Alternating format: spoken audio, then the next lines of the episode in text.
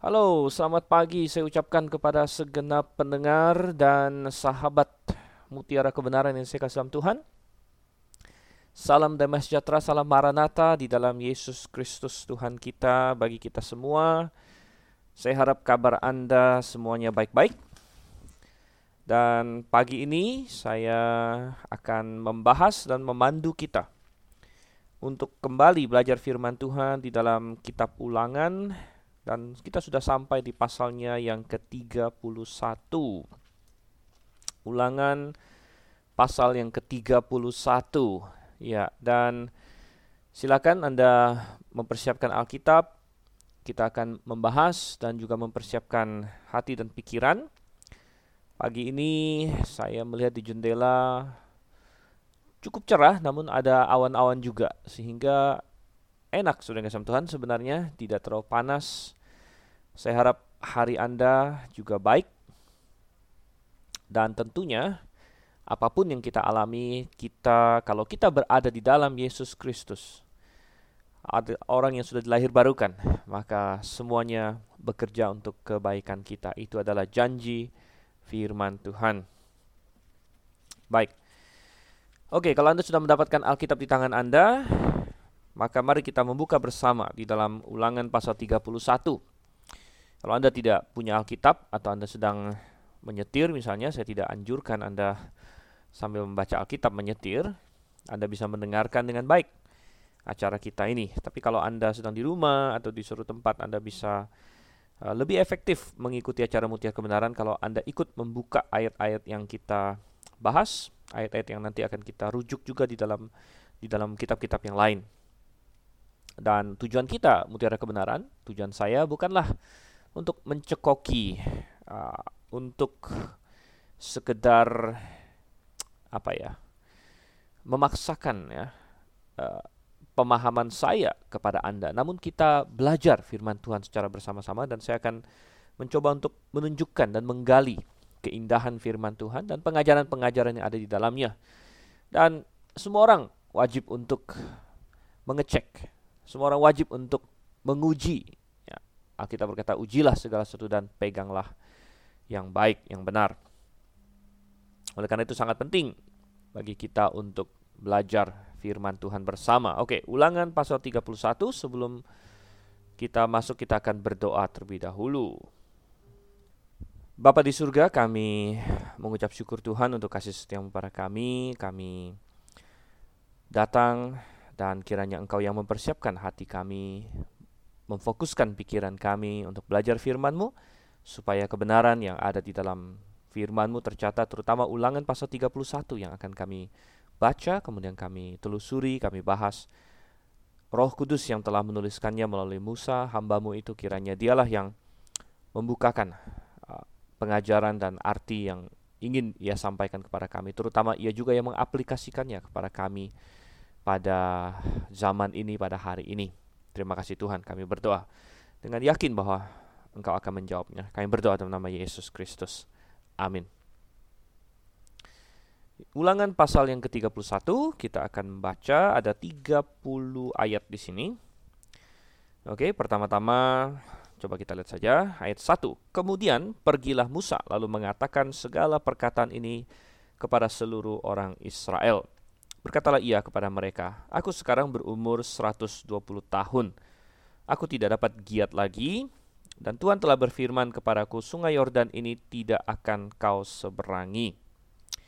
Tuhan Allahmu dialah yang akan menyeberang di depanmu, dialah yang akan memunahkan bangsa-bangsa itu dari hadapanmu, sehingga engkau dapat memiliki negeri mereka. Yosua dialah yang akan menyeberang di depanmu seperti yang difirmankan Tuhan. Dan Tuhan akan melakukan terhadap mereka seperti yang dilakukannya terhadap Sihon dan Og, raja-raja orang Amori yang telah dipunahkannya itu, dan terhadap negeri mereka. Tuhan akan menyerahkan mereka kepadamu dan haruslah kamu melakukan kepada mereka tepat seperti perintah yang kusampaikan kepadamu. Kuatkan dan teguhkanlah hatimu, janganlah takut dan jangan gemetar karena mereka. Sebab Tuhan Allahmu, dialah yang berjalan menyertai engkau. Ia tidak akan membiarkan engkau dan tidak akan meninggalkan engkau.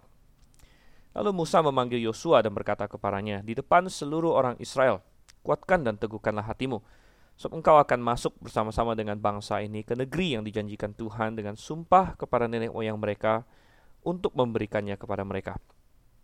Dan engkau akan memimpin mereka sampai mereka memilikinya. Sebab Tuhan, dia sendiri akan berjalan di depanmu, dia sendiri akan menyertai engkau. Dia tidak akan membiarkan engkau dan tidak akan meninggalkan engkau. Janganlah takut dan janganlah patah hati. Oke, jadi kita lihat di sini, kita sudah masuk ke suatu bagian baru di dalam kitab Ulangan. Bisa dikatakan dari ayat dari pasal 31 nanti sampai terakhir ini sudah penutup ya, penutup walaupun penutup terakhir sekali nanti di pasal 34 namun kita sudah melihat ini sudah masuk kepada semacam kata-kata perpisahan dari Musa dan sebagaimana teks tadi mengatakan kita tahu bahwa Musa tidak akan masuk ke tanah Kanaan uh, dan dia sedang berdiri di sebelah timur sungai Yordan dan ini adalah perpisahan dia dengan orang Israel sudah sama Tuhan. Jadi ini sudah masuk ke bagian akhir. Dan dia mengumpulkan mereka, dia berkata di ayat 2, aku sekarang sudah berumur 120 tahun. Wow, luar biasa sekali. Musa berumur 120 tahun dan uh, kalau kita baca di Mazmur, ini bukanlah umur yang lazim pada waktu itu. Ya, walaupun memang kita tahu bahwa manusia zaman dulu itu hidupnya lebih panjang daripada zaman sekarang, Alkitab mencatat itu. Sebelum air bah, umur manusia bisa 900-an tahun bahkan, yang paling tua tercatat adalah Metusalah 969 tahun. Namun, sebagaimana sudah kita bahas di kitab kejadian, ketika air bah terjadi dan bumi berubah total, uh, akhirnya umur manusia menjadi makin pendek, makin pendek, makin pendek gitu ya. Nah, sampai akhirnya di zaman Abraham, Abraham sendiri kita tahu berumur 175 tahun, uh, Ishak berumur 180 tahun, dan itu sudah termasuk diberkati, termasuk panjang, gitu ya. Untuk zaman mereka, mungkin yang lain 100 sekian, 100 sekian.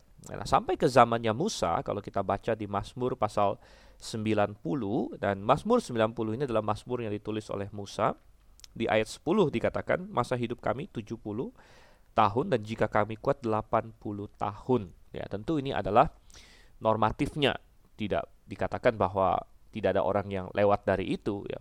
Tentu yang kurang dari ini juga banyak begitu kan. Masa hidup kami 70 tahun bukan berarti tidak bisa kurang.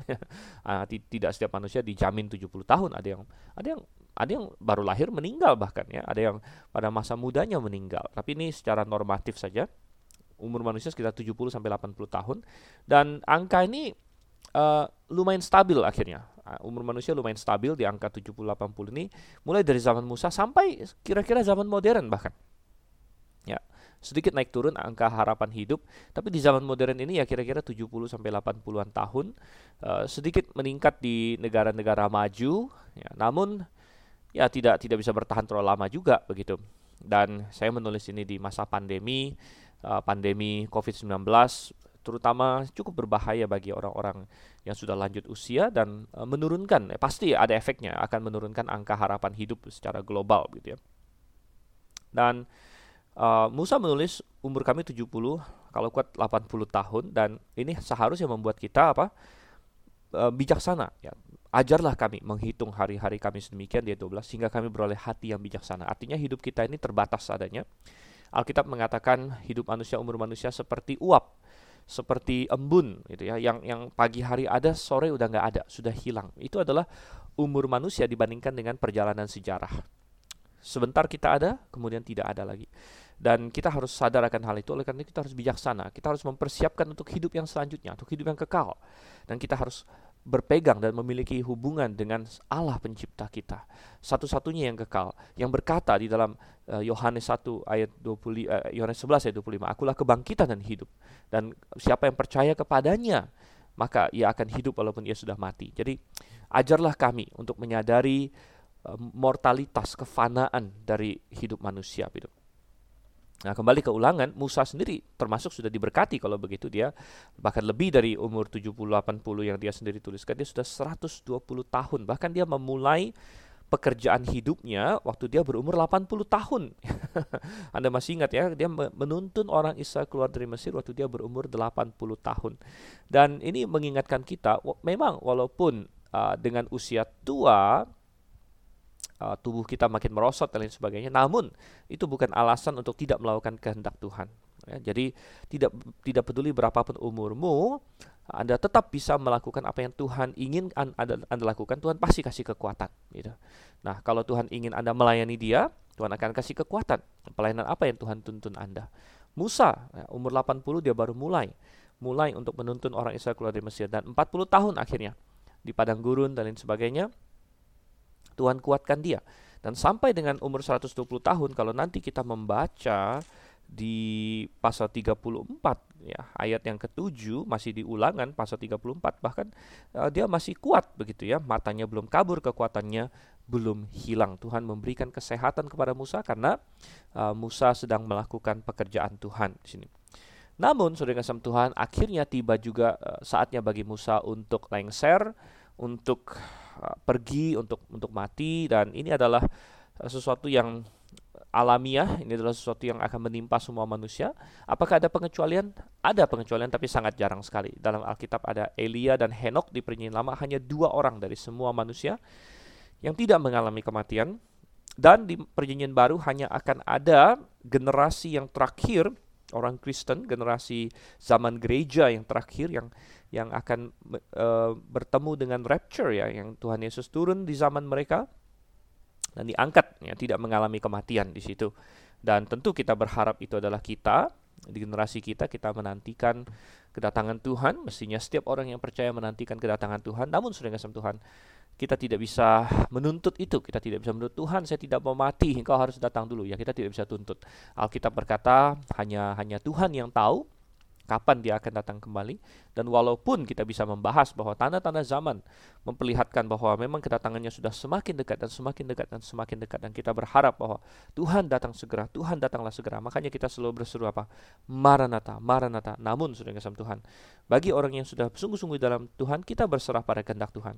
Kalau memang waktunya bagi kita untuk meninggal, untuk mati, seharusnya bagi orang percaya kematian tidak tidak lagi menjadi sesuatu yang menakutkan, yang mengerikan, tidak melainkan kematian itu adalah suatu perpindahan ke hadirat Tuhan. Oleh karena itu di dalam ya, Ibrani Tuhan berkata ya Ibrani 2 ayatnya yang ke-14 dan 15. Karena anak-anak itu adalah anak-anak dari darah dan daging maka ia juga mendapat sorry maka ia juga menjadi sama dengan mereka dan mendapat bagian dalam keadaan mereka supaya oleh kematiannya ia memusnahkan dia yaitu iblis yang berkuasa atas maut dan supaya dengan jalan demikian yang membebaskan mereka yang seumur hidupnya berada dalam perhambaan oleh karena takutnya kepada maut. Ya, jadi kalau kita takut kepada maut maka kita diperhamba, diperhamba. Jadi hidup kita ini seolah-olah hanya untuk menghindar dari maut, ya, menghindar dari maut.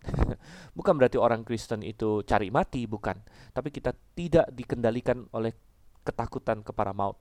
Dan kalau Tuhan uh, menuntut bahwa kita atau Tuhan mengizinkan bahwa kita harus menderita bagi dia, bahkan mati bagi dia, oke okay, kita tidak perlu takut akan hal itu. Ya. Dan tentu ini ya saya berkata bahwa ini secara teori ya dan saya sendiri belum pernah mati untuk Tuhan ya karena uh, ya saya masih hidup sekarang, tapi saya berusaha hidup untuk Tuhan. Saya berusaha hidup untuk Tuhan dan uh, hanya orang yang mencoba hidup untuk Tuhan, hanya orang yang rela hidup untuk Tuhan barulah nanti jika saatnya datang ya Tuhan bisa kasih kekuatan dan ada kekuatan untuk bisa mati untuk Tuhan.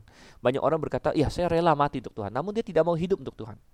Dia tidak mau berkorban misalnya uangnya untuk Tuhan, dia tidak mau berkorban waktunya untuk Tuhan, dia tidak mau berkorban uh, apa misalnya kesenangan dia untuk Tuhan, ya. Maka apa yang membuat dia berpikir bahwa ketika tiba-tiba mungkin ada suatu pencobaan dan dia dituntut untuk mati bagi Tuhan, ya kalau dia dari awal tidak mau ya, kehilangan hal-hal yang jauh lebih kecil kenyamanan dia untuk Tuhan. Uh, apa hobi dia untuk Tuhan ya. Dan dan waktu senggang dia dia dia serahkan untuk Tuhan. Dan dia tidak tidak rela untuk memberikan hal-hal yang lebih kecil ini. Apa yang membuat seseorang bisa yakin bahwa ketika tiba saatnya tiba-tiba misalnya uh, dia dituntut mati untuk Tuhan menyerahkan nyawa untuk Tuhan lalu dia akan melakukannya Oh, tidak sudah Tuhan. Jadi banyak orang salah salah berpikir. Dia mungkin merasa confident, ya kalau saya uh, dituntut untuk mati martir, ya saya akan akan siap ya. Namun kemudian pada kenyataannya hidupnya tidak demikian. Nah, ini sangat disayangkan. Oke, kembali di ulangan pasal yang ke-31. Dan Musa berkata, aku sudah 120 tahun, aku tidak dapat giat lagi. Dan tadi sudah kita baca bahwa sebenarnya dari segi fisik Musa masih cukup kuat ya. Namun dia berkata aku tidak, bisa giat lagi uh, karena ya, bukan hanya faktor fisik, namun juga adalah kehendak Tuhan. Ya, jadi kita bicara mengenai kehendak Tuhan dan Musa tahu bahwa kehendak Tuhan, makanya dia bilang Tuhan telah berfirman kepadaku sungai Yordan ini tidak akan kau seberangi. Jadi ada suatu kesedihan juga mungkin dalam dalam diri Musa mengenai hal ini dan kita tahu bahwa Musa tentu sangat merindukan untuk bisa membawa orang Israel masuk ke tanah Kanaan. Namun Tuhan sudah berkehendak yang lain dan Musa tidak tidak bisa masuk ke dalam tanah Kanaan begitu ya. Dan mungkin kita bertanya, kenapa Musa tidak bisa masuk ke tanah Kanaan? Sebenarnya ini sudah dibahas di kitab Bilangan. Jadi Musa melakukan suatu kesalahan di kitab Bilangan. Yaitu di pasal 20, Bilangan pasal 20. Pada waktu itu orang Israel kembali bersungut-sungut kepada Tuhan dan Tuhan bilang sama Musa, kamu pergi ke batu karang itu kemudian kamu bicara dengan batu karang itu maka batu karang itu akan mengeluarkan air begitu. Tapi uh, Musa ternyata karena dia lagi sebel mungkin lagi moodnya lagi dia marah kepada orang Israel yang terus mencobai dia mencobai Tuhan dan lain sebagainya akhirnya dia tidak melakukan yang Tuhan katakan melainkan dia ambil tongkat dia pukul batu itu ya. Dan uh, memang ini pernah dilakukan. Jadi dulu ya ber, di awal perjalanan keluar dari Mesir waktu mereka pertama kekurangan air Tuhan pernah suruh Musa pukul pukul batu batu akan keluar air dan itu terjadi dan Musa lakukan itu dia pukul batu itu batu itu keluar air uh, namun yang kedua kali Tuhan suruh dia bicara sama batu itu bicara sama batu itu tapi Musa tidak bicara, dia pukul batu itu. Oh, saudara kasih Tuhan. Jadi um, dengan demikian, kasih Tuhan, mungkin ada berkata, loh kok kesalahannya simple ya? Kenapa kesalahan yang begitu simple? Musa sampai dihukum dalam tanda kutip begitu berat begitu ya. Namun sudah kasih Tuhan kita harus memahami bahwa ada beberapa hal ya. Nomor satu, apa yang Musa lakukan secara tipologis itu secara tipologis itu suatu suatu hal yang sangat berat. Mengapa? Dia telah uh, merusak gambaran tipologi Yesus Kristus. Ya, karena batu karang itu melambangkan Yesus Kristus, begitu. Batu karang itu melambangkan Yesus Kristus diperjelas di 1 Korintus uh, dikatakan batu karang itu adalah Yesus Kristus dan dialah yang menyediakan air kehidupan bagi kita begitu. Dan bagaimana cara dia bisa menyediakan air kehidupan bagi kita? Dia disalibkan. Makanya batu itu dipukul pertama kali. Ya, dipukul pertama kali dia disalibkan. Dan dengan kematiannya, dengan dipukulnya dia, dengan ditikamnya dia, eh, kita mendapatkan keselamatan kita. Namun sudah yang kasih Tuhan, uh, Tuhan Yesus tidak boleh disalibkan dua kali begitu. Dia hanya cukup satu kali menderita dan kalau kita memerlukan dia lagi, maka kita hanya perlu berbicara dengan iman gitu. Jadi kematian Yesus sudah ada, yang perlu dilakukan sekarang adalah beriman kepada Dia. Dan beriman itu kan eh, sesuai dengan di Roma adalah percaya dalam hati dan mengaku dengan mulut. Mengaku dengan mulut. Jadi Musa disuruh bicara dengan mulut dia, dengan mulut saja, nggak perlu dipukul lagi begitu. Dengan mulut dia bicara kepada batu itu, batu itu akan menyediakan air begitu. Jadi Yesus Kristus sudah disalibkan, jangan disalibkan lagi. Dan uh, ada doktrin yang sangat salah doktrin transubstansiasi. Gereja Roma Katolik percaya bahwa misalnya setiap kali misa uh, itu daging uh, benar-benar ada di dalam roti atau roti hosti yang dipegang oleh imam berubah menjadi daging Tuhan Yesus.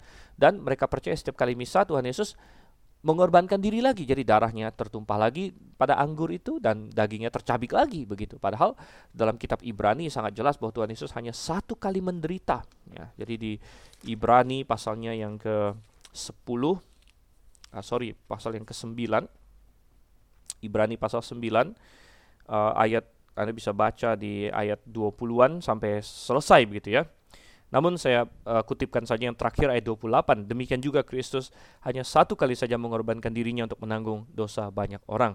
Sesudah itu ia akan menyatakan dirinya sekali lagi tanpa menanggung dosa untuk menganugerahkan keselamatan kepada mereka yang menantikan dia. Oke, jadi sangat jelas sekali. Uh, jadi kalau orang ya seperti doktrin transubstansiasinya Katolik mengatakan Yesus berkorban lagi setiap kali misa itu adalah kesesatan, kesesatan sudah dengan Tuhan. Dan Musa ya melakukan kesalahan tipologis di situ dan dengan demikian dia juga uh, salah merepresentasikan Allah. Musa ini kan mestinya mewakili Allah berbicara pada umat itu, jadi dia merepresentasikan um, Allah yang uh, murka Allah gitu. Padahal Allah waktu itu uh, suruh dia bicara kepada batu itu, tapi dia Musa dengan dengan amarah dia sendiri gitu. Musa membiarkan amarah dia untuk uh, seolah-olah menggantikan amarah Tuhan begitu. Ya dia dia marah kepada orang Israel gitu.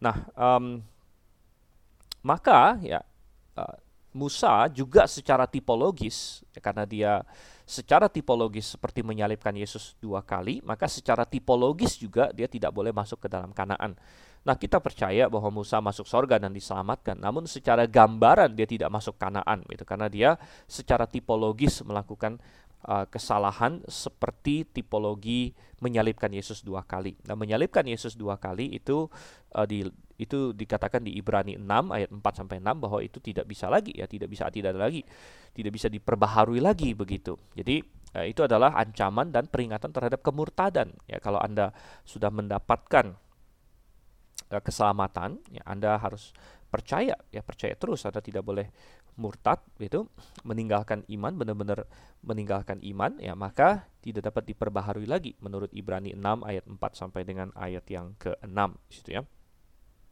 Oke. Dan uh, memang ya Musa waktu itu adalah pemimpin jadi pemimpin uh, di dalam Yakobus dikatakan jangan ada banyak orang ingin menjadi guru karena sebagai guru kita akan dihakimi menurut standar yang lebih ketat, lebih lebih tinggi begitu. Ya, jadi Musa tidak boleh uh, menyeberang dan juga saudara yang kasih Tuhan sebenarnya ada ada makna dan rencana Tuhan juga secara tipologis di mana Musa harus menyerahkan masuk ke kanan itu pada orang lain yang dipilih adalah Yosua begitu dan Yosua adalah tipologi dari Yesus Kristus. Nah, memang Musa juga ada tipologi Yesus Kristus begitu, tapi uh, Yosua uh, adalah tipologi Yesus Kristus dan Musa paling terkenal berkaitan dengan hukum. Jadi melalui Musa lah hukum datang. Dalam Yohanes 1 ayat 17 dikatakan uh, Coba saya bacakan ya, Yohanes 1 ayat 17. Sebab hukum Taurat diberikan oleh Musa, tapi kasih karunia dan kebenaran datang oleh Yesus Kristus. Dan karena uh, tanah Kanaan, tanah perjanjian melambangkan ya keselamatan atau sorga, maka hukum tidak bisa membawa kita masuk. Ya, hukum hanya membawa kita sampai ke padang gurun saja, tidak benar-benar membawa masuk. Dan yang membawa masuk adalah Yosua. Dan Anda tahu apa arti Yosua? Yosua itu dalam bahasa aslinya Yehoshua, sebenarnya artinya Yehova menyelamatkan.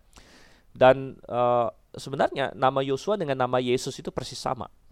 Persis sama ya, karena uh, Yesus itu bentuk Yunani, bahasa Yunaninya, Yosua adalah bentuk bahasa Ibraninya, gitu ya. Jadi Yosua benar-benar mentipologikan Yesus, dialah yang uh, melakukan apa yang tidak bisa dilakukan oleh hukum Taurat, ya Musa hukum Taurat gitu kan tidak bisa masuk. Ya, tapi Yosua Yesus Kristus bisa masuk. Jadi ini juga gambaran yang Tuhan ingin berikan sebagai pelajaran. Nah, oke, jadi itu secara tipologis. Kembali ke ulangan 31, kita lihat secara praktisnya di sini. Secara praktisnya tentu berarti harus ada pergantian kepemimpinan, ya pergantian kepemimpinan dan uh, Musa menguatkan orang Israel. Ya, tentu setiap kali ada pergantian kepemimpinan ada suatu kecemasan mungkin ya, kecemasan baik dari pihak yang mau mau uh, berlalu gitu ya atau ada pihak Musa maupun pihak yang dipimpin selama ini yaitu orang Israel. Ya, karena orang Israel bayangkan sudah 40 tahun terbiasa Musa itu pemimpin mereka, bahkan boleh dibilang raja mereka, raja yang tidak tidak pakai titel raja begitu ya, pemimpin lah.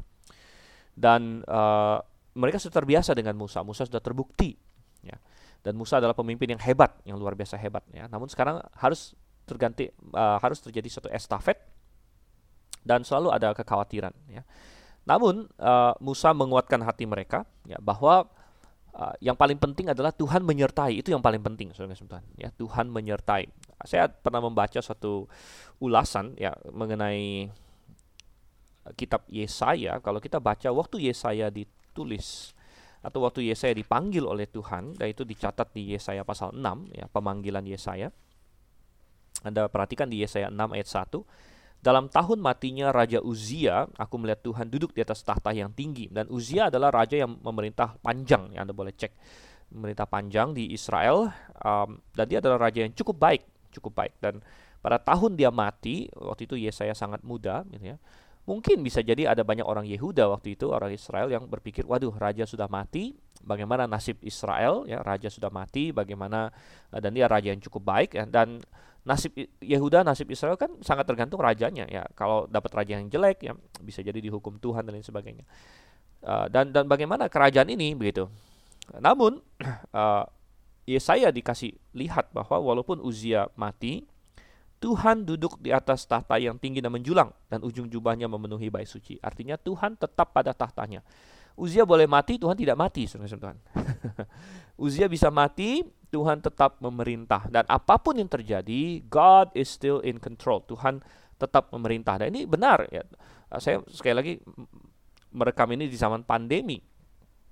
Saya banyak mengingatkan diri saya sendiri dan juga mengingatkan orang-orang Kristen bahwa uh, Tuhan tetap pegang kendali ya, ya, bukan virus yang pegang kendali, Tuhan yang pegang kendali. Nah, bukan berarti kita tidak mencoba tidak melakukan tanggung jawab kita ya. Ya, saya sangat mendukung uh, protokol kesehatan, ya sebisa mungkin kita pakai masker, kita cuci tangan, kita menjaga kebersihan.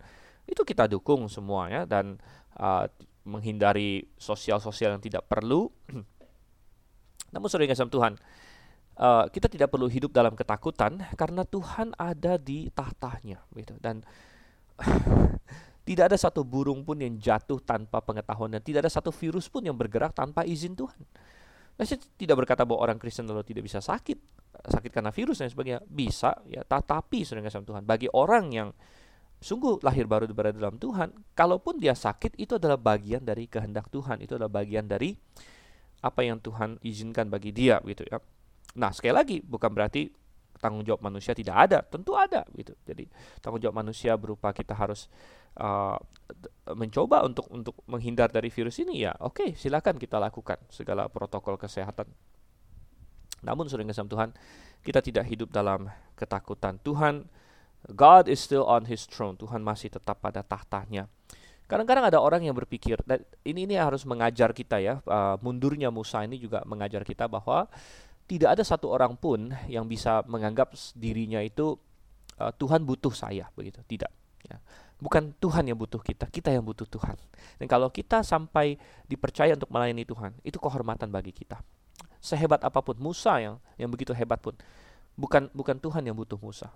Musa mendapat kehormatan untuk melayani Tuhan.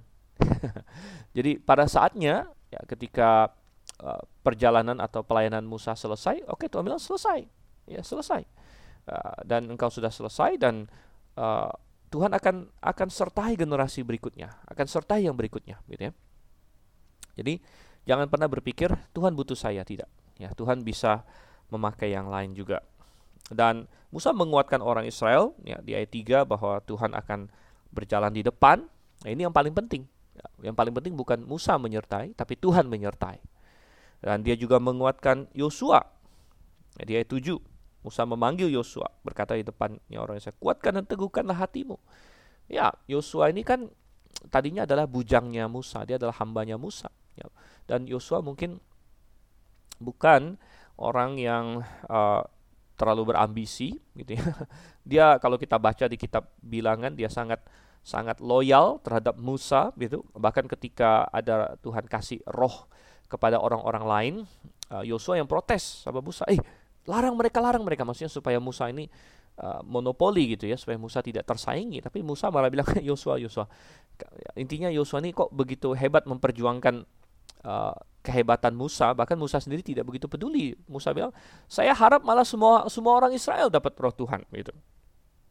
Jadi Yosua sangat loyal kepada Musa. Uh, namun sudah kita patut untuk menggarisbawahi juga bahwa bukan Yosua yang memilih dirinya dan juga bukan Musa sebenarnya tapi Tuhan yang pilih Yosua untuk pelayanan ini. Ya jadi uh, Tuhan yang memilih Yosua ya kalau misalnya terserah Musa mungkin dia bisa pilih orang lain. Mungkin dia pilih Kaleb. Kaleb adalah satu opsi yang lain yang Kaleb sepertinya orang yang sangat hebat juga seorang pemimpin yang luar biasa. Kalau kita baca nanti di kitab Yosua di kitab Hakim-Hakim. Atau Musa bisa jadi memilih salah satu anaknya gitu. Ya, biasa kalau pemimpin manusia kan uh, memilih anaknya gitu ya. Uh, raja-raja demikian ya.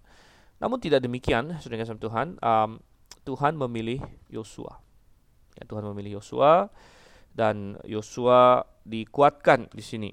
Ya, dan memang harus saling menguatkan uh, kita satu dengan yang lain. Oke, kita masuk sekarang ke ayat yang ke-9 sampai dengan ayat yang ke-13. Setelah hukum Taurat itu dituliskan Musa, maka diberikannya kepada imam-imam Bani Lewi yang mengangkut tabut perjanjian Tuhan dan kepada segala tua-tua Israel. Dan Musa memerintahkan pada mereka demikian. Pada akhir tujuh tahun, pada waktu yang telah ditetapkan dalam tahun penghapusan hutang, yakni Hari Raya Pondok Daun, apabila seluruh orang Israel datang menghadap hadirat Tuhan, Allahmu di tempat yang akan dipilihnya, maka haruslah engkau membacakan hukum Taurat ini di depan seluruh orang Israel. Seluruh bangsa itu berkumpul, laki-laki, perempuan, dan anak-anak, dan orang asing yang diam di dalam tempatmu, supaya mereka mendengarnya dan belajar takut akan Tuhan Allahmu, dan mereka melakukan dengan setia segala perkataan hukum Taurat ini. Dan supaya anak-anak mereka yang tidak mengetahuinya dapat mendengarnya dan belajar takut akan Tuhan Allahmu selama kamu hidup di tanah ke mana kamu pergi menyeberangi sungai Yordan untuk mendudukinya. Oke, jadi uh, kita melihat di sini ada suatu instruksi yang Musa berikan bagi orang Israel dan yang Tuhan berikan bahwa orang Israel harus tujuh tahun sekali mengadakan pembacaan hukum Taurat secara publik, secara publik. Ya. Jadi hukum Taurat itu ditulis oleh Musa, jadi sangat jelas ya. Hukum Taurat ditulis oleh Musa di ayat 9 uh, dan ini membantah teori-teori liberal bahwa bukan Musa yang menulisnya, ya, tapi kita percaya karena Alkitab mencatat Musa yang menulisnya. Kemudian kita melihat bahwa hukum Taurat ini di, diserahkan pada imam-imam, ya, jadi mereka harus memeliharanya. Uh, dan nanti kita akan lihat bahwa Tuhan memelihara firman-Nya.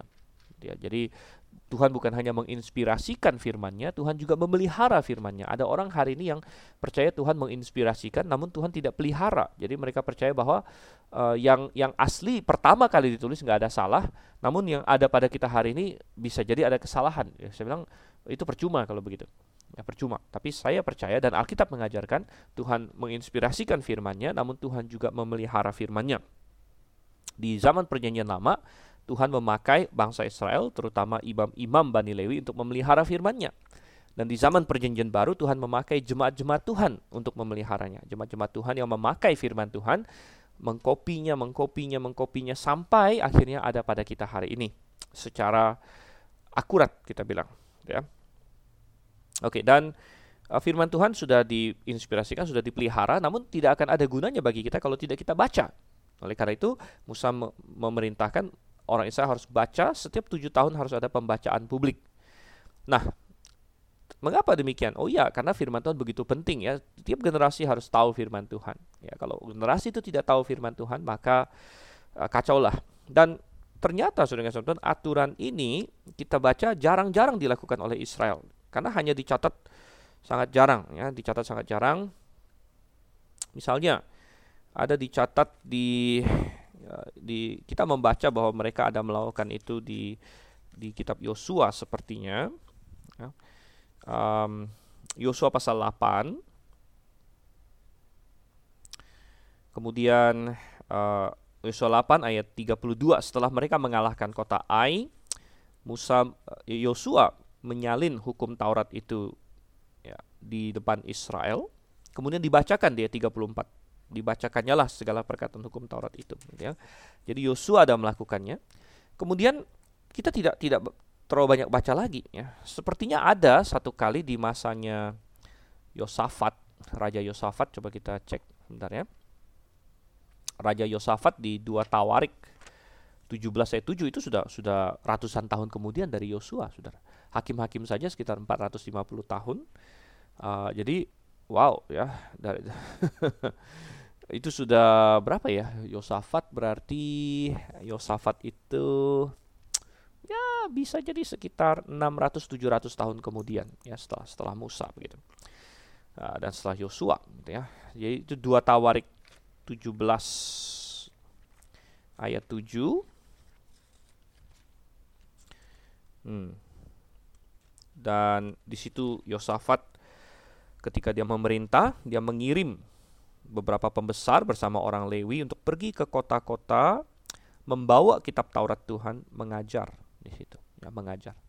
Dan ini pun belum persis seperti yang Musa perintahkan karena yang Musa perintahkan adalah waktu orang Israel semua berkumpul di di hari raya Pondok Daun karena hari raya Pondok Daun mestinya semua laki-laki Israel berkumpul di Yerusalem. Itu dibacakan di situ. Ya.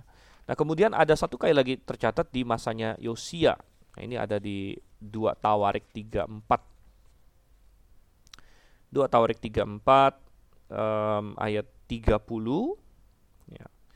Dan dan di sini kita uh, sesudah Yosia menemukan kembali firman Tuhan. Ya, menemukan kembali firman Tuhan karena firman Tuhan kitab Taurat itu sudah ditelantarkan di masa raja-raja sebelumnya. Namun tetap Tuhan pelihara tadi kita bilang Tuhan tetap, tetap Tuhan pelihara. Namun akhirnya ditemukan lagi oleh Yosia, dia kaget ketika dibacakan. Dan kemudian Yosia mengumpulkan seluruh penduduk ya Yerusalem, Yehuda dan sebagainya dan membacanya di ayat 32 Taurat 34 ayat 30 di, ia membacakan segala perkataan dari kitab perjanjian yang ditemukan di rumah Tuhan itu. Jadi Rupanya ini adalah uh, mestinya dilakukan setiap tujuh tahun, namun sepertinya Israel tidak melakukannya dengan rutin. Ya, memang bisa jadi ada pembacaan-pembacaan lain yang tidak dicatatkan bagi kita, bisa jadi ada. Namun uh, kita melihat sepertinya ini jarang ya, sepertinya jarang. Uh, dan itulah salah satu penyebab mereka selalu jatuh bangun jatuh bangun dan selalu menyimpang dari Tuhan karena mereka tidak mengenal dan membaca firman Tuhan. Betapa pentingnya firman Tuhan dalam kehidupan orang Kristen. Dan itu benar hari ini juga saudara Tuhan. Jadi betapa penting kita meneliti dan membaca firman Tuhan bukan untuk sekedar asal membaca ya. Tetapi untuk mengerti, untuk memahaminya gitu. Dan uh, kita harus ingat bahwa situasi zaman itu tentu berbeda ya. Kalau kita melihat di sini kok orang Israel dibaca suruh baca tujuh, setiap tujuh tahun? Apakah kita juga hari ini membaca setiap tujuh tahun? Tentu tidak. kita hari ini harus membacanya setiap hari, teman Setiap hari. Uh, kenapa mereka setiap tujuh tahun? Ya tentu karena berbeda. Waktu itu belum ada buku seperti kita. Ya, jadi hukum Taurat itu dalam bentuk gulungan-gulungan yang berat dan besar. Gitu ya. Uh, jadi um, kita sudah jauh lebih tinggi. Oleh karena itu tuntutan bagi kita juga lebih tinggi, saudara, karena kita jauh lebih mudah mengakses firman Tuhan. Bukan hanya kita punya kitab, ya, buku yang sangat mudah dibawa, bahkan bentuk elektronik. Ya, sehingga dan hampir semua orang kan handphone dibawa ke mana-mana. Hampir tidak ada alasan kita tidak membaca firman Tuhan. Selain bahwa kita tidak mau atau tidak menyediakan waktu untuk itu. Oke, kita lanjut lagi sekarang dari ayat 14 Kemudian berfirmanlah Tuhan kepada Musa, sesungguhnya sudah dekat waktunya bahwa engkau akan mati. Oke, ini sudah kita bahas. Maka panggillah Yosua dan berdirilah bersama-sama dengan dia dalam kemah pertemuan supaya aku memberi perintah kepadanya. Nah, jadi ini semacam resmi ya, resmi penyerahan kekuasaan gitu. Uh, penyerahan otoritas. Lalu pergilah Musa dan Yosua berdiri dalam kemah pertemuan. Dan Tuhan menampakkan diri di kemah itu dalam tiang awan dan tiang awan itu berdiri pada pintu kemah. Jadi Tuhan sengaja lakukan ini secara publik supaya orang Israel tahu bahwa ini pergantian kepemimpinan Musa ke Yosua ini bukan idenya Musa, bukan akal-akalan Musa, sekongkol dengan hambanya sendiri gitu kan, tapi ini sesuatu yang Tuhan approve, sesuatu yang Tuhan inisiatifkan bahkan. jadi terjadi transfer kepemimpinan yang uh, damai, ya bukan kup sana kup sini, uh, dan disetujui oleh Tuhan dan ini dilakukan secara umum Oke, ayat 16 Tuhan berfirman kepada Musa, "Ketahuilah engkau akan mendapat perhentian bersama-sama dengan nenek moyangmu dan bangsa ini akan bangkit dan berzinah dengan mengikuti Allah asing yang ada di negeri ke mana mereka akan masuk. Mereka akan meninggalkan aku dan mengingkari perjanjianku yang kuikat dengan mereka." Oke. Nah, jadi ini Tuhan mengulang apa yang yang dikatakan di sini dan uh, tiba saatnya bagi Musa setelah bekerja keras untuk mendapatkan perhentian peristirahatan gitu. Dan bagi orang yang mati di dalam Tuhan sungguh itu peristirahatan.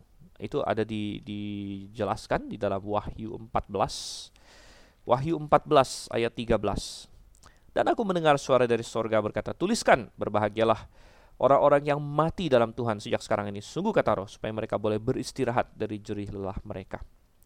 Karena segala perbuatan mereka menyertai mereka. Ini adalah bagi orang yang mati dalam dalam Tuhan. Ya, mati dalam Tuhan. Namun bagi orang yang fasik yang tidak ada dalam Tuhan, hmm, jangan berpikir bahwa akan ada istirahat, akan ada damai. Tidak. Kalau kita membuka di dalam uh, nah, kitab Yesaya, kitab Yesaya uh, ayat yang ke sorry pasal 48 ayat yang ke-22. Tidak ada damai sejahtera bagi orang-orang fasik ya. Tidak ada damai sejahtera dan kata damai sejahtera ini di dalam KJV itu dikatakan there is no peace unto the wicked said the Lord. Tidak ada shalom ya, tidak ada damai sejahtera, tidak ada istirahat yang sejati dan ketika dia mati pun itu tidak istirahat gitu. Melainkan dia masuk ke dalam penghukuman. Tapi bagi orang yang ada di dalam Tuhan, puji syukur ya Tuhan menjanjikan bahwa pekerjaanmu sudah selesai, engkau bisa beristirahat dari jerih lelahmu. Wow, betapa indah Saudara. Jadi mati itu kayak tidur gitu ya. Ada orang yang Anda bayangkan kalau kita kita bekerja keras sepanjang hari ya kita banting tulang. Wah, kalau malam itu kalau bisa tidur itu enak kan? Wah, nyaman gitu tidur ya. Uh, dan memang tidur adalah suatu metafor untuk kematian. Makanya dalam perjanjian baru sering kali mati itu disebut tidur gitu. Karena ada istirahat. Bukan karena bukan karena setelah kita mati kita nggak sadar apa-apa ya. Alkitab jelas mengajarkan kita masih akan sadar akan ada jiwa dan roh kita yang uh, ber, berpaling kepada Tuhan gitu. Namun uh, ada istirahat gitu. Ada istirahat dan Tuhan bilang sama Musa, "Oke okay, Musa, pekerjaanmu sudah selesai di bumi ini. Engkau akan mendapat perhentian bersama-sama dengan nenek moyangmu." Ya. Namun Tuhan kemudian memberikan suatu nubuat ya, bahwa bangsa ini dia katakan akan berzina. Wow, ya. Akan berzina, akan mengikuti Allah lain. Ini suatu nubuat sudah dengan Tuhan. Mereka akan meninggalkan aku, mengingkari perjanjianku katanya. Oke, kita baca lagi. Kita baca beberapa ayat di sini. Ayat 17. Pada waktu itu murka aku akan bernyala-nyala terhadap mereka. Aku akan meninggalkan mereka dan menyembunyikan wajahku terhadap mereka sehingga mereka termakan habis dan banyak kali ditimpa malapetaka serta kesusahan. Maka pada waktu itu mereka akan berkata, "Bukankah malapetaka itu menimpa kita oleh sebab Allah kita tidak ada di tengah-tengah kita, tetapi aku akan menyembunyikan wajahku sama sekali pada waktu itu karena segala kejahatan yang telah dilakukan mereka, yakni mereka telah berpaling kepada Allah lain. Oleh sebab itu tuliskanlah nyanyian ini dan ajarkanlah kepada orang Israel. Letakkanlah di dalam mulut mereka supaya nyanyian ini menjadi saksi bagiku terhadap Israel. Sebab aku akan membawa mereka ke tanah yang kujanjikan dengan sumpah kepada nenek moyang mereka, yakni tanah yang berlimpah-limpah susu dan madunya. Mereka akan makan dan kenyang dan menjadi gemuk tetapi mereka akan berpaling kepada Allah lain dan beribadah kepadanya. Aku ini akan dinista mereka dan perjanjianku akan diingkari mereka. Maka apabila banyak kali mereka ditimpa malapetaka serta kesusahan, maka nyanyian ini akan menjadi kesaksian terhadap mereka. Sebab nyanyian ini akan tetap melekat pada bibir keturunan mereka. Sebab aku tahu niat yang dikandung mereka pada hari ini sebelum aku membawa mereka ke negeri yang kujanjikan dengan sumpah kepada mereka. Oke, jadi kita melihat di sini ah, Tuhan sudah menubuatkan bahwa mereka akan meninggalkan Tuhan, mereka akan berkali-kali meninggalkan Tuhan walaupun Tuhan sudah membawa mereka masuk sesuai dengan janjinya ke negeri yang berlimpah-limpah susu dan madunya. Tuhan sudah sudah tahu ini, sudah memprediksikan ini, sudah menubuatkan ini. Bahkan saudara kesempatan ini adalah salah satu argumen yang sering dipakai oleh kaum liberal yang tidak percaya Tuhan sebenarnya mereka akan berkata bahwa hukum Taurat ini bukan ditulis oleh Musa, gitu. termasuk kitab Ulangan bukan ditulis oleh Musa. Salah satu alasan mereka ada banyak alasan mereka ya, uh, antara lain mereka terpengaruh teori evolusi, ya, menganggap manusia zaman dulu itu mulai dari kerak dan lain sebagainya. Jadi manusia dulu itu bodoh-bodoh. Bahkan sempat mereka punya pendapat bahwa di zaman Musa mestinya sekitar 3.500 tahun yang lalu manusia belum bisa tulis baca bahkan mereka berargumen. Namun argumen ini sebenarnya sudah mentah total karena akhirnya dengan arkeologi dan sebagainya ditemukan bahwa jangankan di zaman Musa, bahkan 500 tahun, 600 tahun sebelum Musa di zaman Abraham saja manusia sudah tahu menulis. Ya, bahkan sebelum ada hukum Taurat sudah ada hukum Hammurabi segala macam di Babylon sekitar pokoknya beberapa ratus tahun sebelum Musa. Ya, jadi itu sudah sudah salah total. Namun walaupun premis dasarnya sudah salah total, namun teorinya jalan terus gitu. Teorinya jalan terus. Kemudian kita melihat lagi bahwa um, alasan lain mereka mengatakan ini tidak mungkin ditulis Musa adalah karena sepertinya apa yang tertulis di kitab ulangan ini tepat terjadi gitu, tepat terjadi, digenapi sehingga mereka menganggap bahwa itu sudah ditulis setelah kejadian. Jadi misalnya tentang pembuangan ya, yang sudah Tuhan prediksikan di pasal 28 kan berkat dan kutuk, mereka akan dibuang, diserahkan ke bangsa-bangsa lain. Oh ini ini berarti ditulis sesudah pembuangan mereka bilang. Ya karena ternyata kok bisa diketahui begitu ya. Uh, tapi itu nonsens dengan Tuhan. Tuhan yang maha tahu tentu bisa mengetahui itu ya. Namun um, liberal nonsens uh, tetapi kita juga perlu berhati-hati karena ada satu teologi yaitu teologi Calvinis yang mengatakan bahwa Tuhan sudah menetapkan segala-galanya termasuk dosa manusia termasuk keputusan semua keputusan manusia itu Tuhan yang tetapkan karena Tuhan mendekritkan segala-galanya Tuhan menetapkan dan uh, ini sangat aneh sekali kalau begitu ya. Jadi kita melihat bahwa Tuhan menetapkan um, sesuai dengan dekritnya. Loh, kalau Tuhan sudah menetapkan, kenapa Tuhan perlu marah kalau begitu? Jadi ini nonsens. Jadi Tuhan bisa mengetahui tanpa menetapkan. Jadi sering Calvinis berargumen, kalau Tuhan sudah tahu berarti dia sudah menetapkan. Ya, kita bilang tidak. Ya tidak. Uh, Tuhan bisa tahu tanpa menetapkan karena dia menciptakan kehendak bebas bagi manusia. Jadi dia ciptakan manusia dengan kehendak bebas, dia suruh manusia pilih mau melakukan apa, tapi ketika manusia memilih, Tuhan sudah tahu dari kekekalan. Ya, ketika manusia pilih, Tuhan sudah tahu dari kekekalan, dan uh, kita melihat bahwa uh, Tuhan tahu apa yang Israel akan lakukan, tapi bukan itu keinginan Tuhan dan Tuhan tidak tetapkan itu. Kalau Tuhan tetapkan itu jadi aneh. Kenapa Tuhan tetapkan lalu Tuhan marah-marah di sini? Ya Tuhan sepertinya kecewa. Ya Tuhan tidak perlu kecewa kalau itu memang Tuhan tetapkan, gitu kan? Oke, jadi um, kita melihat di sini kembali ke ulangan pasal 31 untuk mengantisipasi hal ini Tuhan memerintahkan Musa untuk mengajarkan mereka suatu nyanyian. Nah, nyanyian ini akan kita bahas di pasal 32. Jadi ini prolognya sebenarnya ya. Nah, Musa akan bikin suatu nyanyian di sini dan nyanyian ini akan menjadi menjadi uh, saksi melawan mereka. Kenapa dalam bentuk nyanyian? Karena nyanyian ini musik adalah suatu hal yang luar biasa ya. Musik itu juga sangat unik bagi manusia karena ya memang binatang bisa ada misalnya burung yang bisa berkicau ya. Namun ah, ini beda, ada sedikit bedanya dengan musik manusia. Mana musik manusia itu memiliki makna yang lebih dalam. Ya, dan musik itu suatu bahasa komunikasi. Tanpa kata-kata pun sudah bahasa komunikasi gitu. Dan kita melihat bahwa um, musik ya Tuhan pakai di sini oleh karena itu musik itu sangat penting. Karena Tuhan bisa pakai, iblis juga pasti akan mau pakai. Gitu. Iblis pasti akan mau pakai. musik ini sangat berpengaruh karena dia berbicara langsung kepada jiwa kita. Bicara langsung pada jiwa. Dan Tuhan memerintahkan kita untuk menyanyikan lagu-lagu rohani, saudara. Dalam Efesus 5, bahwa kita harus bermasmur dan menyanyikan kidung nyanyian rohani. Nah, kalau ada yang rohani berarti ada yang lawannya lawannya rohani apa? Yang kedagingan yang duniawi. Ada musik-musik yang kedagingan duniawi dengan pesan-pesan yang tentu bertentangan dengan Tuhan. Ya pesan uh, pesan pemberontakan pesan percabulan yaitu musik-musik rock and roll musik-musik dunia dan semua turunannya. Dan orang Kristen jangan jangan mau terlibat dalam hal, -hal seperti itu apalagi dipengaruhi gitu ya. Oke jadi uh, nyanyian sangat penting. Uh, nyanyian gereja, kalau Anda menyanyikan lagu-lagu yang indah, yang rohani, yang uh, misalnya himne-himne yang yang sudah sangat klasik gitu ya. Dan Anda nyanyikan itu di gereja, oh sangat luar biasa. Ya, sangat luar biasa, sangat sangat menguatkan iman gitu. Ayat 22. Maka Musa menuliskan nyanyian ini dan mengajarkannya kepada orang Israel kepada Yosua bin Nun diberinya perintah firman-Nya, kuatkan dan teguhkanlah hatimu, sebab engkau akan membawa orang Israel ke negeri yang kujanjikan dengan sumpah kepada mereka dan aku akan menyertai engkau. Jadi Yosua ini perlu perlu banyak terus di, dikuat-kuatkan. Memang ya, kita semua perlu dikuatkan.